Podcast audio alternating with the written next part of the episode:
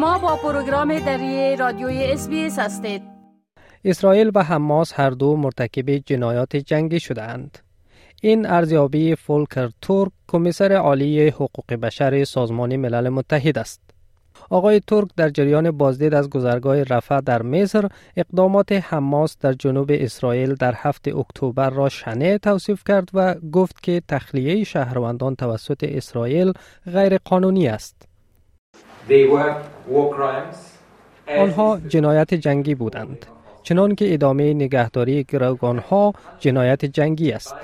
مجازات دست جمعی غیر نظامیان فلسطینی توسط اسرائیل و همچنین تخلیه غیر قانونی اجباری غیر نظامیان مستاق جنایات جنگی است. بمباران های داخلی اسرائیل به ویژه زنان و کودکان را کشته، معلول و مجروح کرده است. آخرین آمار قربانیان وزارت صحت غزه بیش از 10500 نفر به شمول بیش از 4300 کودک و 2800 زن است. همه اینها صدمه تحمل ناپذیری بر جان انسانها و غیر نظامیان هستند. آقای ترک می گوید که وضعیت گذرگاه مرزی رفح به یک کابوس زنده شباهت دارد. در ماه گذشته گذرگاه رفح تناب نجات نمادین 2.3 میلیون نفر در غزه بوده است. این تناب نجات به طرز ناعادلانه و فجعه نازک شده است. اینجا دروازه های یک کابوس زنده هستند. کابوسی که در آن مردم خفه می شوند زیر بمباران های مداوم عزادار خانواده های خود هستند برای آب، غذا، برق و سوخت تقلا می کنند همکاران من در میان کسانی هستند که آنجا گیر افتادند و در میان کسانی هستند که اعضای خانواده خود را از دست دادند از شب بیداری های مملو از عذاب خشم و ناامیدی رنج می‌برند.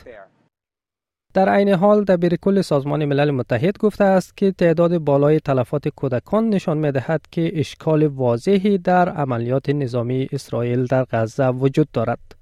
به گفته وزارت صحت غزه که توسط حماس اداره می شود نزدیک به 10500 نفر در این درگیری جان خود را از دست دادند که 40 درصد آنها زنان و کودکان هستند. آنتونیو گوترش می گوید که حماس از غیر نظامیان به عنوان سپر انسانی استفاده می کند. وقتی حماس دارای سپر انسانی باشد تخلفات وجود دارند اما وقتی به تعداد غیر نظامیانی که در عملیات های نظامی کشته شده نگاه می کنیم اشکال آشکاری وجود دارد.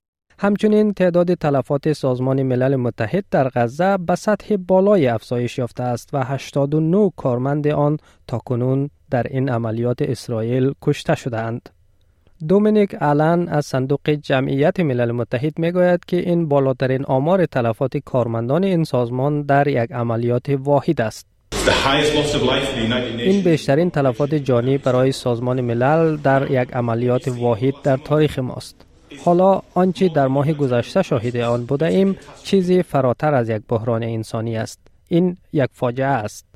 بنیامین نتانیاهو نخست وزیر اسرائیل گفته است که کشورش پس از پایان جنگ کنترل غزه را در دست خواهد گرفت. اما این چیزی نیست که متحد اصلی اسرائیل آمریکا از آن حمایت کند.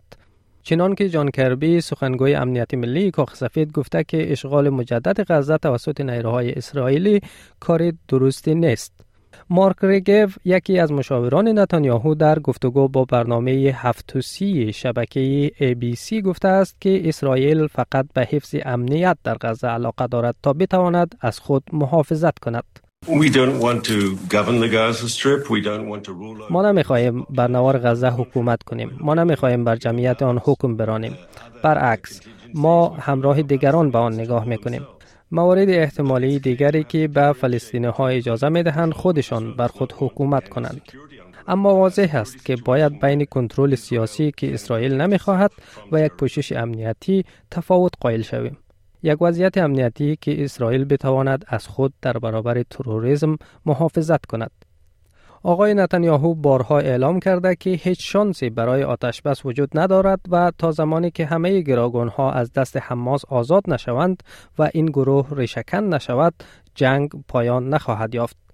در حملات قافلگرانه حماس به خاک اسرائیل در اوایل ماه گذشته بیش از 1400 نفر کشته شدند و بیش از 240 نفر دیگر به گروگان گرفته شدند. اما اینجا در استرالیا بیش از 300 وکیل مدافع استرالیایی پای نامه سرگشاده به نخست وزیر امضا کرده و در آن از حکومت فدرال خواستند که برای تضمین آتش بس در غزه از نفوذ خود استفاده کند. آنها در این نامه که خطاب به آنتونی آلبانیزی، دادستان کل مارک دریفوس، وزیر خارجه پینی وانگ و وزیر دفاع ریچارد مالز نوشته شده، همچنین خواستار آزادی امن های حماس و توقف کلیه صادرات نظامی به اسرائیل شدهاند. می خواهید این گونه گزارش ها را بیشتر بشنوید؟ با این گزارشات از طریق Apple Podcast، Google Podcast، Spotify و یا هر جایی که پادکاستتان را می گیرید گوش دهید.